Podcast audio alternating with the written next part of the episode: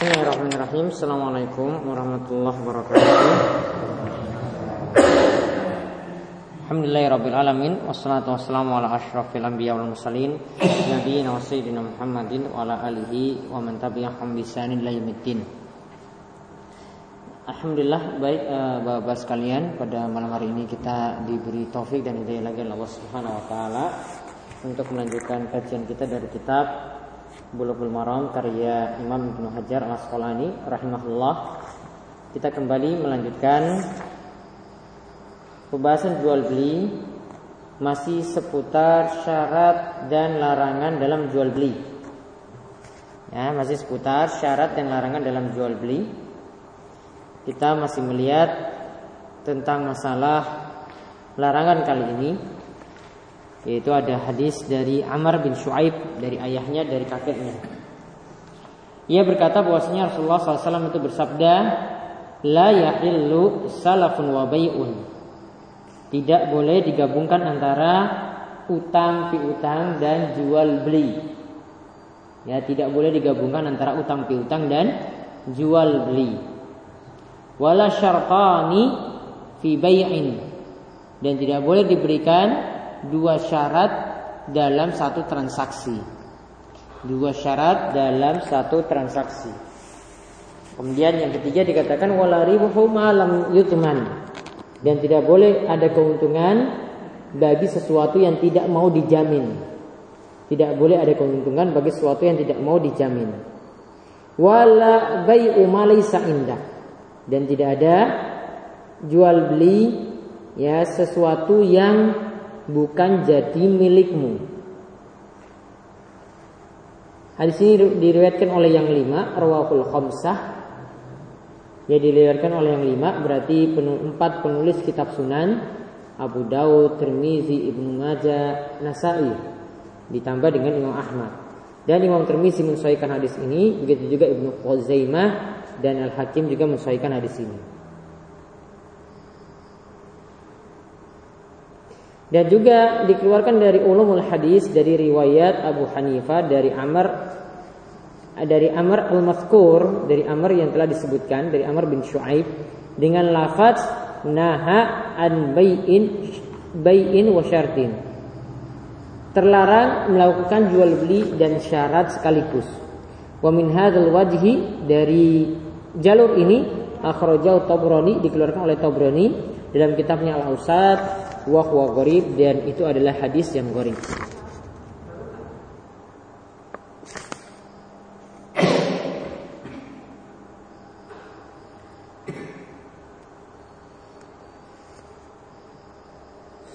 Jadi di sini ada beberapa hal yang dilarang. Yang pertama, tidak boleh menggabungkan antara utang dan jual beli. Artinya apa? Kalau kita mengutangkan sesuatu, maka tidak boleh ambil untung. Yang ketika kita mengutangkan sesuatu tidak boleh cari untung.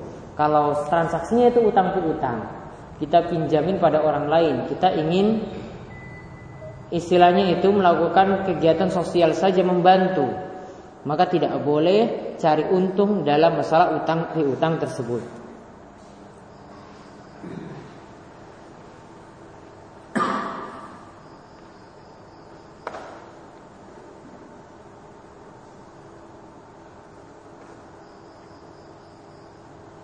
Contoh di sini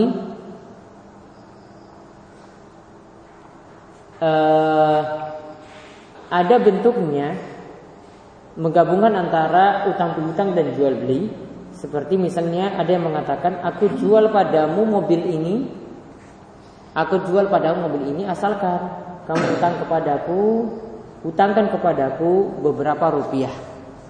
Biasanya kalau ada yang utangkan seperti itu, pasti jualnya dengan harga yang lebih murah. Ya. Jadi dia utangkan ya, dia ber, dia jual mobil dengan syarat ada yang utangkan dia. Ya, utangkan sesuatu padanya. Ya, pasti kalau ada utang seperti ini utangkan kepadanya itu pasti nanti jatuhnya mobil itu lebih murah. Ada jual beli di situ ditambah ada utang. Ya, ada jual beli, ada utang di situ. Nah, ini yang masalah. Atau ada juga yang mengatakan Seperti misalnya dia katakan aku memberi utang padamu atas asal, asalkan kamu jualkan mobil padaku. Itu juga sama dengan yang tadi. Ini semuanya bentuk yang tidak dibolehkan. Karena dalamnya itu ada utang sekaligus ada jual beli di dalamnya. Karena kalau ada utang masuk utang di sini biasanya utangnya dia cari untung dengan mobilnya itu dia jatuhkan harganya itu lebih murah. Kemudian di sini juga sekaligus menunjukkan bolehnya utang piutang. Ya karena tidak boleh menggabungkan utang piutang dan jual beli berarti utang piutang kalau sendiri itu dibolehkan, boleh ngutang. Begitu juga di sini menunjukkan masih bolehnya jual beli, jual beli itu boleh.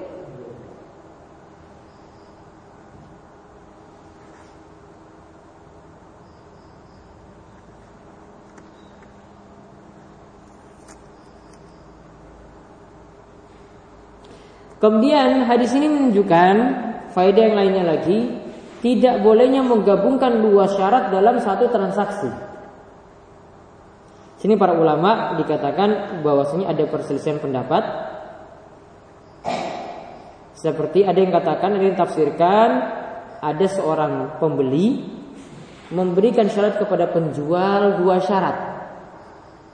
Seperti dia katakan dia beli kayu, ya asalkan penjual itu membawanya ke rumah ya sampai ke rumah e, dan nanti dia memotong-motongnya kayu tersebut dipotong-potong. Atau ada yang memberikan syarat juga misalnya pembeli membeli kain. Kemudian pembeli memberikan syarat kepada penjual untuk memisah-misah kain tersebut ya kemudian menjahitnya dan semisalnya. Nah, ada ulama yang tafsirkan seperti inilah yasir tidak dibolehkan satu transaksi kok ada dua syarat yang diberikan.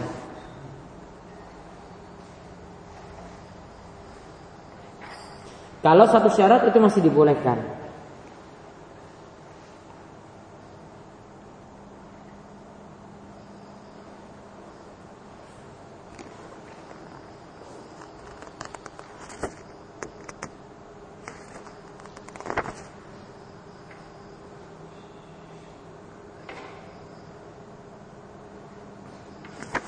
Ada juga yang mengatakan bahwasanya dimaksudkan ada dua syarat dalam satu transaksi itu maksudnya. Ini ada suatu barang kalau tunai mau dibeli 10 ribu misalnya. Eh 10 juta. Kalau nyicil bayarnya nanti 20 juta. Nah ini sudah kita bahas kemarin tentang masalah ina Ya seperti ini kalau maksudnya adalah ina tidak dibolehkan.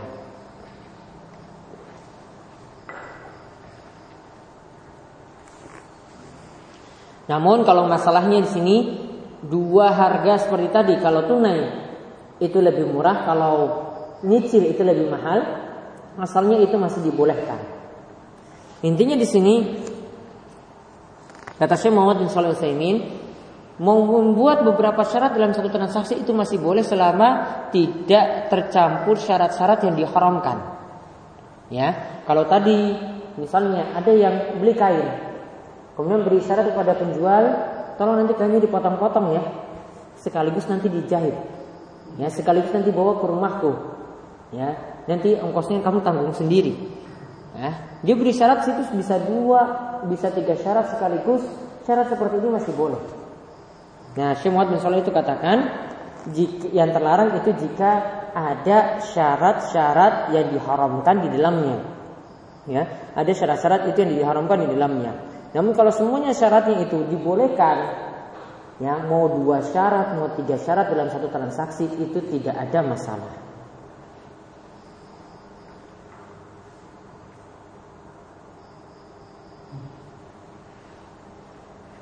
Kemudian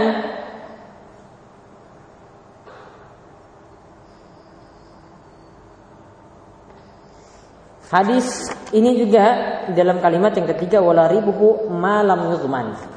Tidak boleh mengambil untung bagi orang yang tidak mau memberikan jaminan. Ya, tidak boleh ambil untung bagi orang yang tidak mau memberikan jaminan. Jadi misalnya ada penjual, dia jadi perantara. Perantara biasa disebut apa?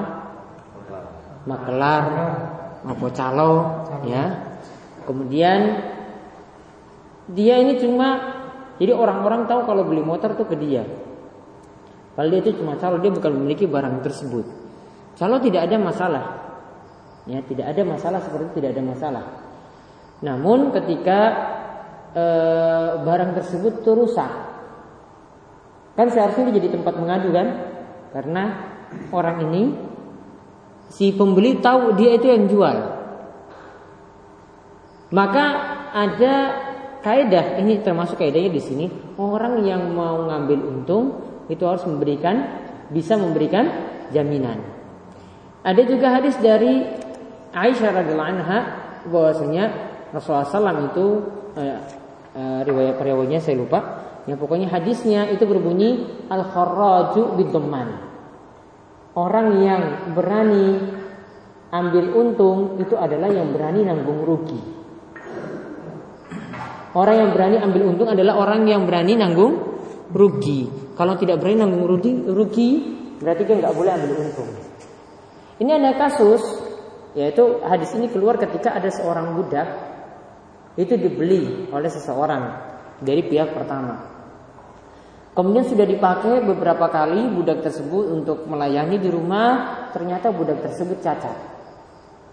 Maka yang beli ini protes kepada penjual. Oh kamu ini jual budak yang cacat, tapi sudah dipakai. Gimana kalau kita punya barang seperti ini? Kembalikan atau gimana? Ini sudah dipakai loh barangnya. Gimana bapak-bapak? Dikembalikan atau bagaimana? Kembalikan. Kembalikan, oh sudah pakai kok. Sudah pakai. Jacatnya dia baru tahu pokoknya dari sana. Tapi sudah dipakai barangnya. Ya. Nabi SAW memberikan solusi tadi. Beliau katakan al kharaju biduman. Orang yang ambil untung, ya orang yang berani ambil untung juga harus berani nanggung rugi. Ruginya di mana tadi di situ? Cacat. Sudah ambil untung atau belum? Sudah pakai. Berarti dia kan sudah ambil manfaat kan? Rugi yang ada yang nanggung sendiri. Ya, jadi nggak nggak boleh kembalikan. Kamu sudah pakai. Ya, kecuali kalau belum pakai dikembalikan nggak ada masalah. Ini kan sudah pakai kan? Sudah pakai, ternyata cacat. Rugi nanggung sendiri karena sudah pakai lama. Dia sudah dapat manfaat kan? Berarti tadi kaidahnya ingat ya, orang yang yang berani ngambil untung itu harus berani nanggung rugi. Maka kaidah ini bisa diterapkan dalam beberapa masalah. Utang piutang. Ya. Misalnya dalam masalah jangan dulu utang piutang, dalam masalah murabahah atau mudharabah. Mudharabah itu artinya bagi hasil. Ya. Mudharabah itu artinya bagi hasil. Misalnya ada yang minggu sapi. Suruh orang lain itu untuk bawa sapi ini kemudian dia nanti kasih pakan dan seterusnya nanti kalau ketika Idul Kurban sapinya itu dijual untungnya bagi barang-barang ya bagi hasil kaidah dalam Islam tadi pakai kaidah tadi al kharraju siapa yang berani ambil untung maka dia harus berani ambil rugi jadi ketika untung bagi bareng-bareng. Alhamdulillah dapat untung, dapat 5 juta dari sapi ini. Untung bagaimana? Bagi bareng-bareng. Modalnya kembalikan kepada yang punya. Ini Pak, modalmu dulu sekian. Ini untungnya sekian. Untungnya ini kita bagi ini ada 5 juta. Eh, terserah sepakatnya awal bagaimana 60 40 atau 50 50 atau 70 30 pokoknya sepakatnya seperti apa. Ya. Terus Dibagilah hasil tersebut. Itu kalau ada untung. Kalau ada rugi tanpa ketidaksengajaan, bukan karena kesengajaan dari orang yang ngingu tadi. Ya, bukan kesengajaan. Dia sudah rawat baik-baik, tapi ternyata misalnya kandangnya itu ternyata kebakar, sapinya juga ikut kebakar, mati. Bagaimana di sini? yang punya sapi dulu boleh narik modal ataukah tidak? Hmm? Boleh ataukah tidak? Tidak boleh. Ya namanya untung dibagi bareng-bareng, rugi juga dibagi bareng-bareng. Karena apa? Yang sudah memelihara sudah mengeluarkan tenaga. Sudah rugi juga gak dapat hasil apa-apa. Yang tadi cuma kasih sapi saja dia kan nggak kerja apa-apa. Maka dia harus juga menanggung rugi di situ. Resikonya seperti itu jika tidak ada ya tidak ada ketidaksengajaan. Jadi tidak sengajalah terjadi. Bukan karena kesengajaan dari yang memelihara tadi. Maka harus berani nanggung resiko. Kalau yang terjadi misalnya untung pingin ya, untung kita bagi bareng-bareng. Kalau rugi, kamu harus kembalikan modal saya maka dia tidak mengikuti kaidah tadi. Padahal kaidah katakan tadi apa? Orang yang berani ngambil untung, dia harus juga berani nanggung rugi. Berani ambil untung harus berani nanggung rugi. Ya, jadi itu yang masalah dalam mudorobah. Kaidahnya di sini berlaku. Orang yang walaribu malam yatutmah. Tidak ada untung bagi orang yang tidak mau menjamin. Kalau tidak mau menjamin, ya maka dia tidak boleh ambil untung kalau mau berani ambil mau mau berani ambil untung maka dia harus berani men, menjamin kalau rugi bagi barang-barang kalau untung bagi barang-barang Kemudian wala bai'u malisa indak tidak boleh melakukan jual beli barang yang bukan milikmu.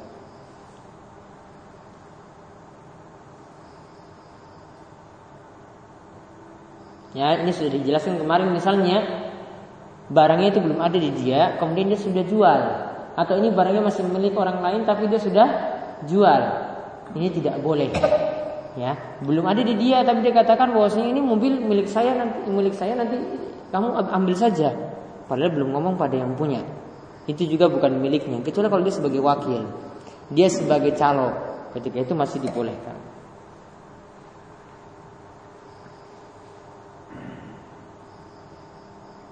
Kemudian uh, hadis ini semuanya ini menunjukkan kata Syekh bin Shalih al isyara ila tahrimi kulli gharar. Setiap jual beli yang mengandung goror, goror apa kemarin? Ketidakjelasan semuanya itu dilarang.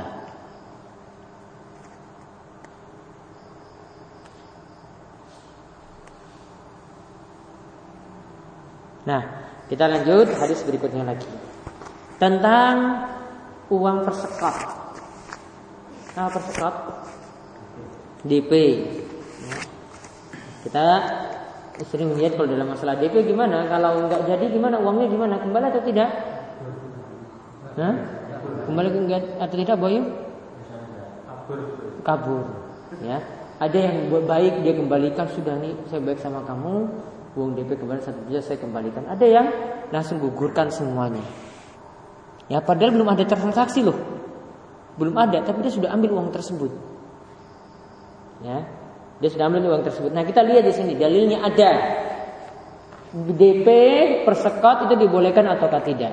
Hadisnya ya wa anhu yaitu dari Amr bin Shu'aib juga sama, lanjutan dari hadis sebelumnya atau perawinya itu sama an abihi dari ayahnya.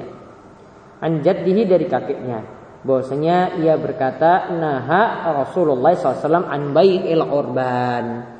Rasulullah SAW itu melarang dari jual beli urbun. Jual beli urbun, jual beli dengan uang persekot.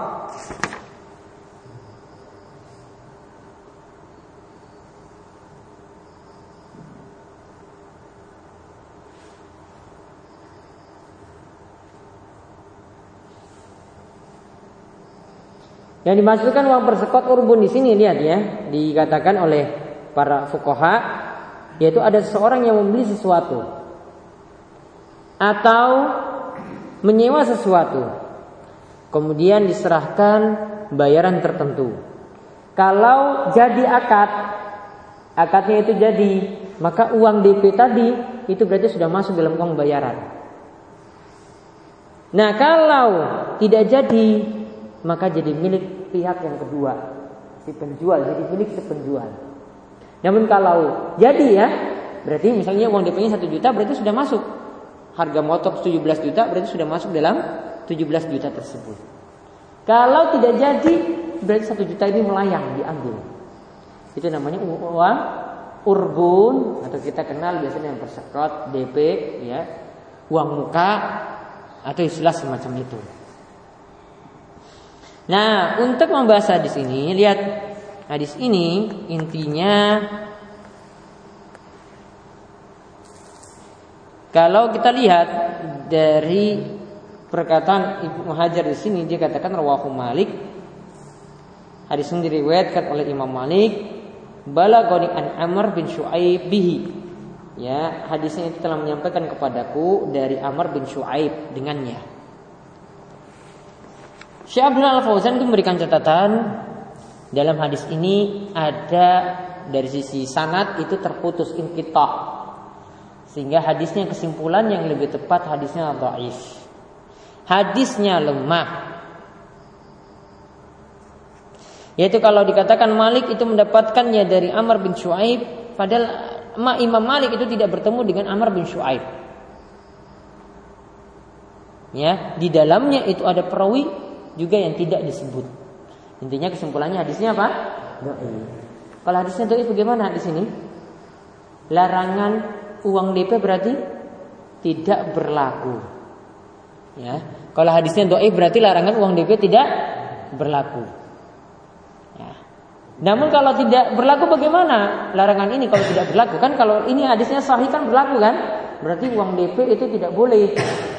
Artinya kalau ada larangan berarti DP tadi tetap harus dikembalikan.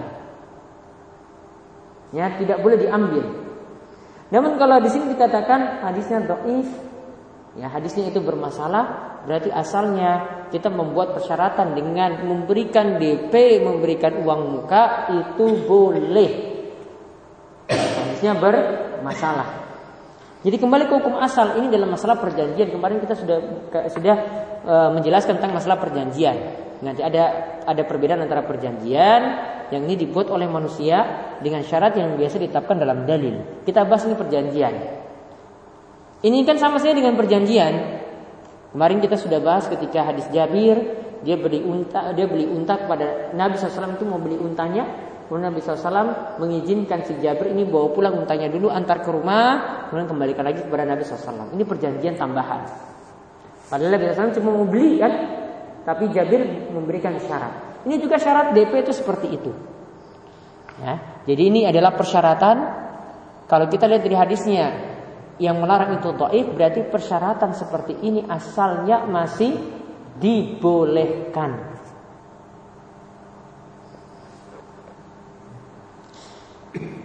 Nah, jadi ada dua pendapat dalam masalah ini. Ada yang katakan itu haram berdasarkan hadis ini, dan ada yang katakan itu sah-sah saja seperti dalam mazhabnya Umar radhiyallahu anhu. Kemudian juga pendapat dari anaknya Ibnu Umar, juga pendapat dari Imam Ahmad.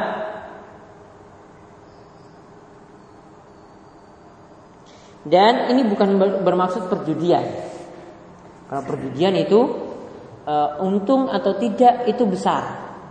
Kalau ini tidak, ini tidak masuk dalam judi. Artinya si pembeli mau teruskan akad, ya sudah diteruskan. Kalau tidak mau teruskan, ya sudah jadi batal.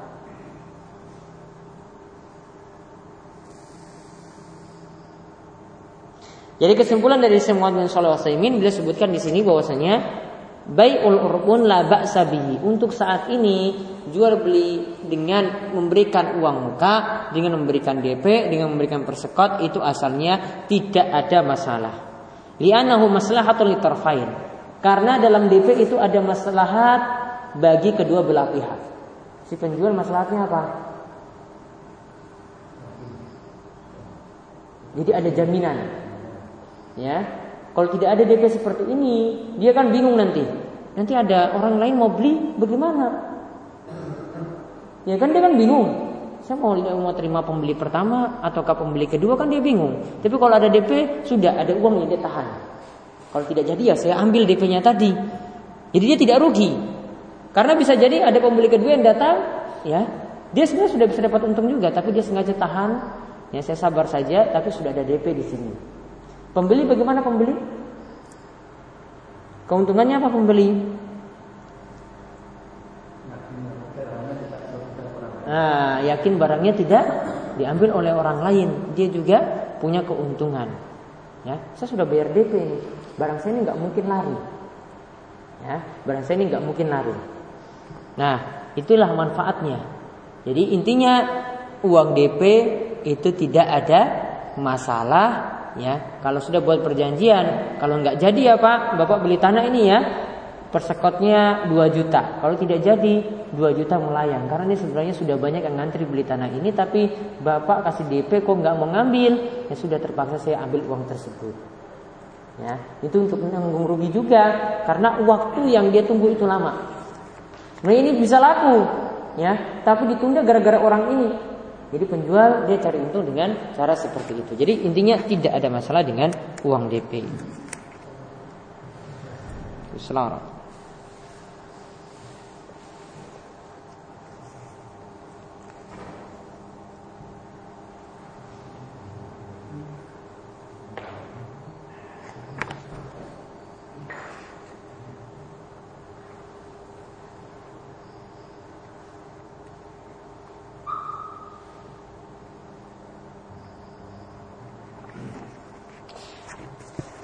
Kemudian hadis berikutnya lagi.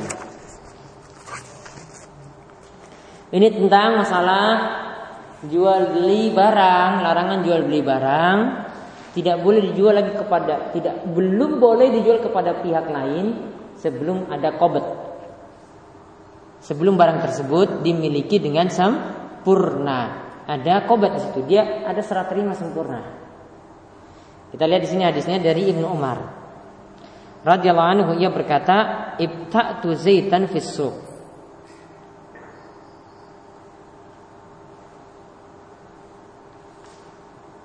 Ya, aku menjual buat buah zaitun, ya buah zait. Watini wa zaitun ya, buah zait ya. Buah zait di di pasar.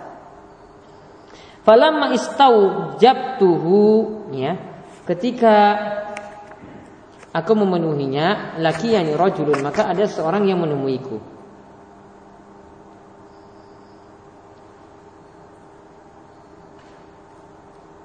Jadi ketika telah sempurna akad antara dirinya ya dan penjual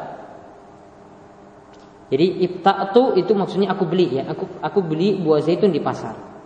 Ketika sudah sempurna transaksinya, maka ketika itu aku bertemu dengan seseorang.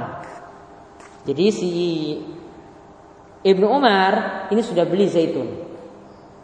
Dia pembeli ya, pembeli pertama. Beli dari penjual. Kemudian ketika dia saat mau sempurna transaksinya dengan penjual, ketika itu dia bertemu dengan seseorang. Fa'atani bihi ribahan hasanan. Lalu orang yang kedua ini jadi pembeli kedua lagi, ini pembeli pertama kan si Ibnu Umar. Pembeli kedua lagi datang. Dia katakan bahwa saya bisa memberi kepadamu ribahan hasan untung yang banyak. Untung yang bagus lah. Kemudian fa'aradtu an adriba ala yadir rajuli. Maka ketika itu aku ingin melakukan transaksi dengan orang tersebut. Melakukan transaksi dengan orang tersebut, fa akhadha rajulun min khalfi bi Kemudian ketika itu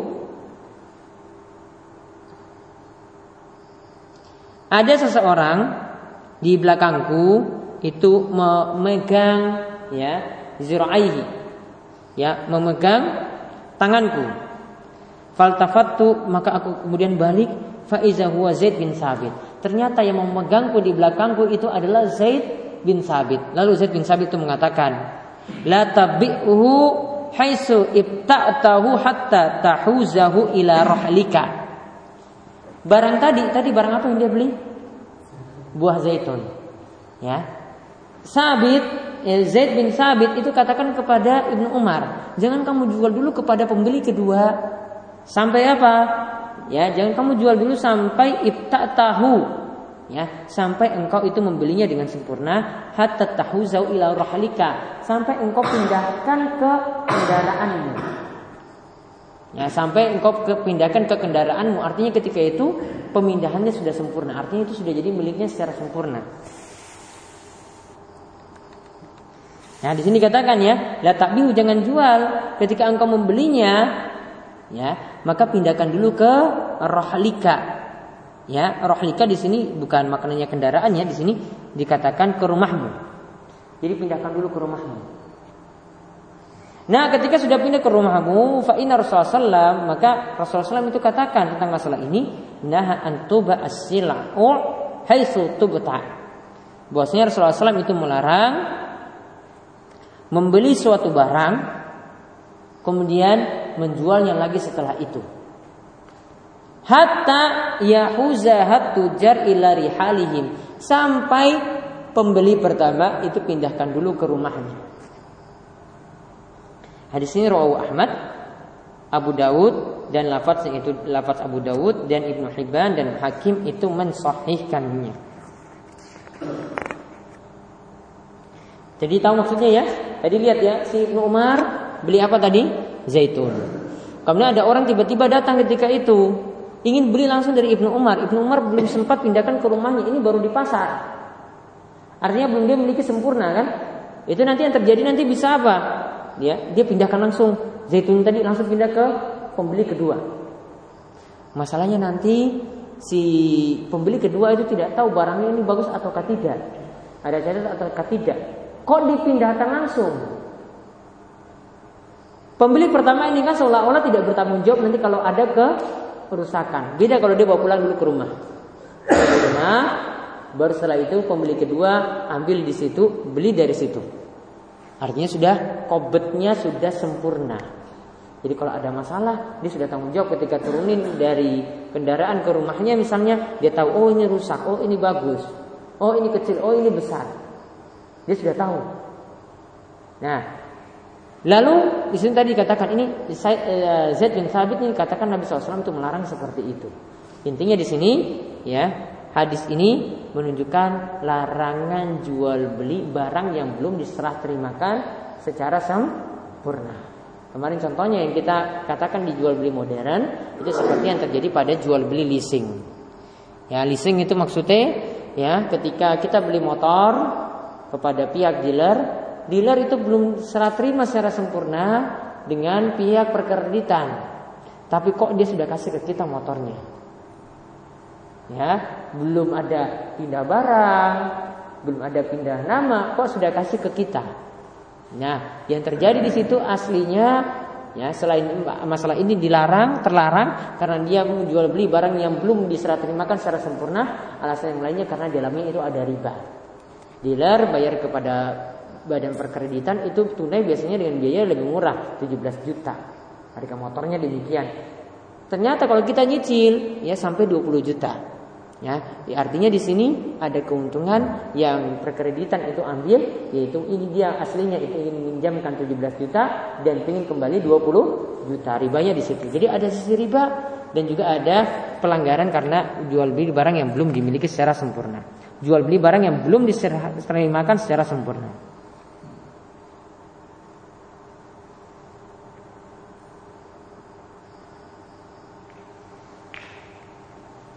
Nah di sini saya mau Sulaiman ini memberikan faidah di antaranya beliau katakan tidak boleh seseorang itu membeli suatu barang di satu tempat kemudian dia jual lagi juga di tempat itu juga. Ya bagusnya itu dipindah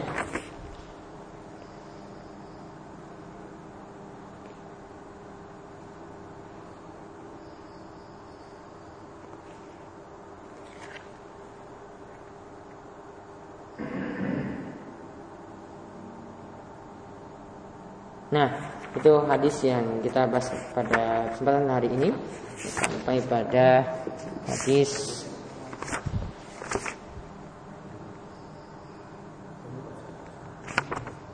hadis nomor 22 ya dalam masalah syarat syarat jual beli dan larangannya. Ada yang ditanyakan? Monggo. Jadi kalau yang kembali ke berani rugi sampai kerugian tadi ditanggung bareng jadi semacam sapinya 10 juta ya. Terus nanti ternyata ada musibah. Jadi yang mengganti itu mengganti ya. dibagi ruginya jadi hmm. jadi 10 10 juta dia nanggung mata-mata 3 juta lah dikasih yang punya kalau ini kan nggak dibagi kalau tadi kalau ini dibagi ke kerugiannya jadi yang punya sapi kalau karena 10 juta kan yang pelihara seluruh itu bantu kan? Harga sapinya aslinya berapa? 10 juta kan? 10 juta. Pelihara toh dia tidak mungkin ya. satu juta lah untuk ngasih pakan. Nggih. Tapi ketika mati yang punya milik itu kalau masa dibantu dua juta atau tiga juta itu. Jadi ruginya ya biar timbang itu maksudnya. Kesalahannya punya siapa? Gimana? Kesalahannya tidak bisa salahkan kepada yang gaduh kan? Maksudnya dari rugi kan? Hmm. Jadi Tapi kesalahannya pokoknya bukan dari siapa-siapa ya kan? Iya. Iya. Allah aturannya seperti itu. Ya, aturannya kalau berani ambil untung, ya, maka dia harus berani nanggung rugi. Plus nggak dapat apa-apa. Kecuali jadi transaksinya kalau mudoroba ya aturannya seperti itu. Kalau ngupahi, sebentar ada transaksi ngupahi. Artinya sapi kita suruh pelihara, terus dikasih upah di situ ketika memelihara situ. Artinya ketika dijual nanti sapi tersebut ya ketika dijual milik penuh yang punya sapi. Tapi dia digaji yang mau nggak gaduh itu tadi dia digaji. Ya, mungkin di setiap bulannya atau mungkin di akhir. Kalau ketika ini juga sama seperti itu. Artinya kalau kerugian yang terjadi sama jadi tanggungan dari yang punya sapi. bukan bagian itu untuk balik keduanya ini Kita. oh, salah satu yang pemilik barang. Iya. Eh, tentang bagi hasil aja. Kalau misalnya eh, bagi hasil itu kita menyerahkan sejumlah uang kepada seseorang yang eh, tidak jelas kegunaannya itu ada kerugian itu kita bisa. Contoh. Nah, kita memberi uang ke saudara kita, nah, uang itu tidak jelas diberikan apa. Transaksinya apa? eh, bagi Pinjamin apa bagi hasil? hasil- bagi hasil. Bagi hasil ya. Terus Nah, setelah beberapa waktu eh, dia merasa rugi dengan eh, uang tersebut karena ditipu orang gitu. karena ditipu orang. Jujur atau ngapus sih itu? Nah, itu kira-kira Nggak tahu juga, nggak tahu jujur apa enggak gitu ya. Nggak tahu. Nah, terus itu sikap kita gimana? uang uang itu eh, kepemilikan kita itu berhak mengatur. Usahanya itu harus jelas kalau mudoroba. Ya, kamu usaha apa? Bakso? Apa mau beli sapi? Ya, usahanya itu harus jelas. Dan yang pemodal tadi, ya pemodal tadi, dia harus terus melacak tadi ini betul nggak usahanya ini jalan atau tidak. Ya, ini untungnya ada nggak ketika itu. Dia tidak merasa rugi. Tapi dia tidak jalankan usaha yang tiap hari kerja itu orang lain memanfaatkan modal tadi. Ini kalau ada bagi hasil baru dibagi. Jadi sebenarnya kalau pingin ya seperti itu pinjamin saja. Pinjamin itu artinya apa? Kalau kita pinjamin orang uang, kembali utuh atau tidak? Utuh kan? Beda kalau modal ini ya. Kalau utang itu berarti kembali utuh. Namun syaratnya apa? Kalau pinjamin tidak ambil untung. Transaksinya harus jelas. Tidak boleh. Wah nanti kalau kamu ada untung nanti bagi hasil ya. Kalau nggak ada untung, ya sudah kembalikan aja uangku. Ini jadi rancu transaksinya, ya kan? Jadi rancu. Mau dipilih yang mana? Nggak jelas. Ini ada goror. Ada ketidakjelasan dalam transaksi yang dipilih. Makanya kalau kita mau menyerahkan uang pada orang lain, ini bikin bikin perjanjian atau sudah kita sepakat uangnya mau kembali penuh atau mau bagi hasil. Kalau sudah diserahkan, Sekarang tanyakan pada dia, ini mau pakai usaha apa? Usahamu apa? kalau kasus yang kemarin itu kan eh, misalnya jual beli mobil. Jual beli mobil, terus tapi saya jadi bangkrut dia. Ya, kalau yang dibeli itu mobilnya apa itu kan saya nggak tahu. Nah, setelah beberapa bulan dia tertipu dengan mobil tersebut di eh, dilarikan orang. Nah, bisa jadi itu cuma omong kosong dia saja. Kadang kan biasanya yang gaduh juga seperti itu ya, gaduh sapi ya kan. Dia bilang, ini sapi saya sudah jual. Kok kamu jual kok nggak ngomong-ngomong ke saya? Dia jual 10 juta, misalnya ya, sapinya dia jual 10 juta, dia bilang ke kita 10 juta, ternyata dia jual 15. Ini nggak boleh seperti itu. Yang ketika mau jual pun itu harus beritahu kepada yang punya modal. Biar tidak ada nanti ya permusuhan setelah itu. Tidak ada yang merugi saat itu. Jadi saling-saling jujur satu sama lain. Jadi intinya itu harus usahanya itu diperjelas usahanya apa, betul atau ketidak usahanya. Kemudian kalau ada untung tolong jujur dalam masalah ini. Gitu. Nah itu namanya kerjasama seperti itu mudoroba harus ada kejujuran, cari orang yang amanah, cari orang yang dipercaya. Ya, betul nggak dia amanah menggunakan uang. Kalau nggak berani seperti itu ya sudah kasih pinjaman saja, dikembalikan utuh. Saya nggak beli untung, itu saja. Jadi kesepakatan sebelumnya terlepas dari berhasil. Iya, tapi nggak boleh di tengah-tengah. Kalau sudah seperti itu, selesaikan dulu ya masalah ini. Kalau mau lanjut lagi, buat transaksi yang baru. Karena tidak boleh di tengah-tengah campur lagi seperti itu lagi. Oh sekarang kembalikan aja, nggak bisa. Sejak awal kan sudah modali. Soalnya kalau dituntut untuk kembalikan uangnya itu dia tidak sanggup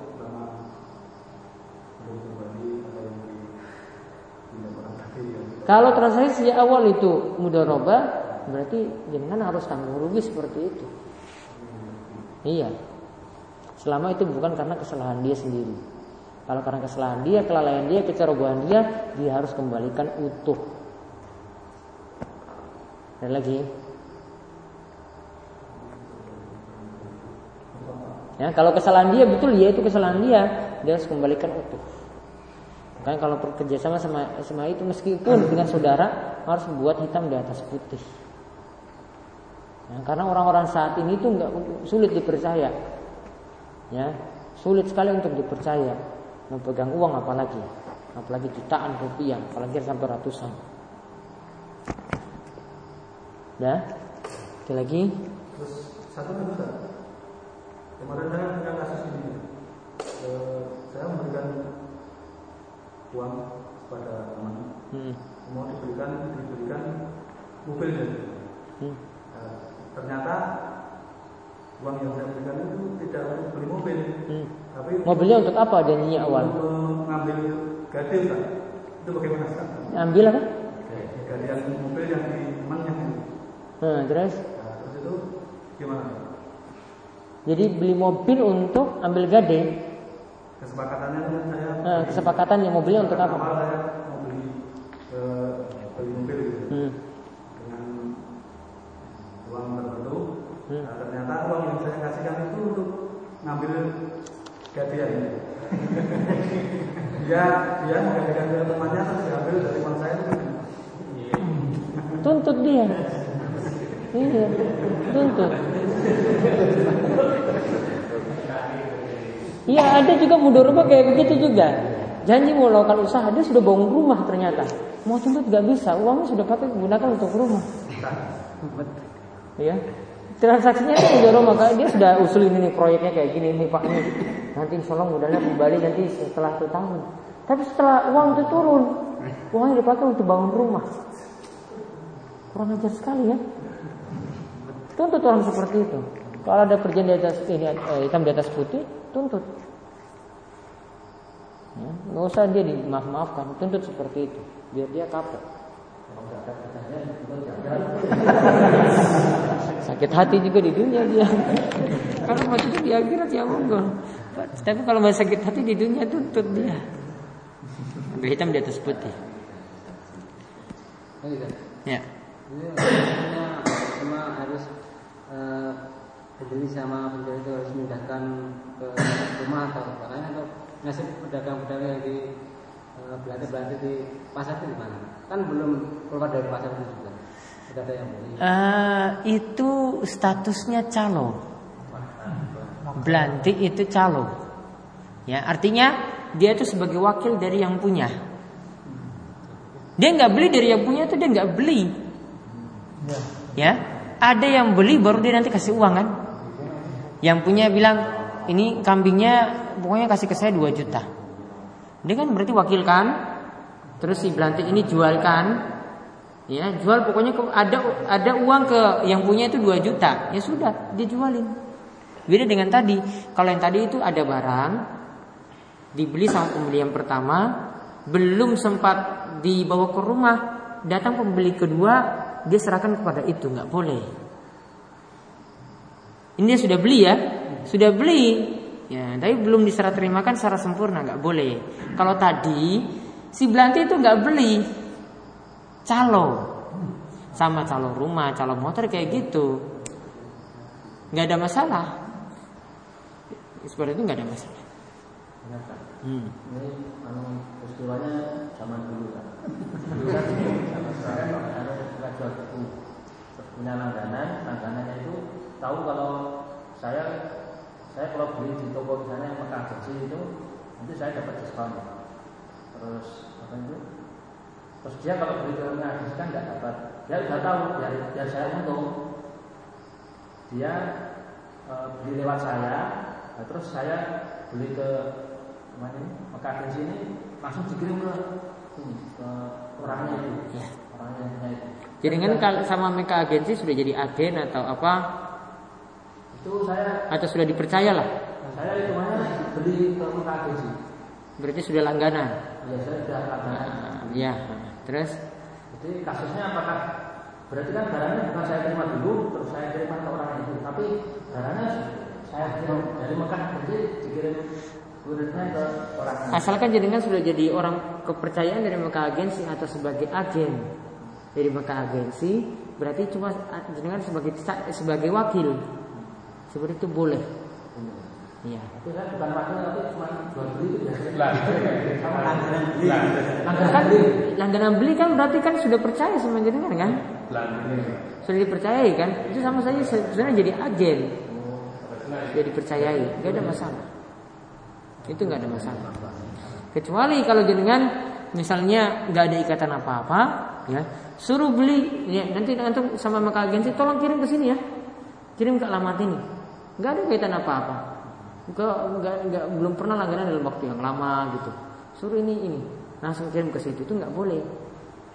Karena kalau ada risiko kerusakan, jenengan nanti nggak tanggung. Ya, seperti berlepas diri. Ini tidak boleh. Namun kalau seperti tadi itu sudah jadi pelanggan setia itu biasanya sudah jadi agen istilahnya. Walaupun mungkin di yang pihak mereka agensi nggak katakan ini agen resmi, tapi sudah diberi kepercayaan. Ya, seperti itu tidak ada masalah. Yang penting berani nanggung rugi ketika barang tersebut ada kerusakan.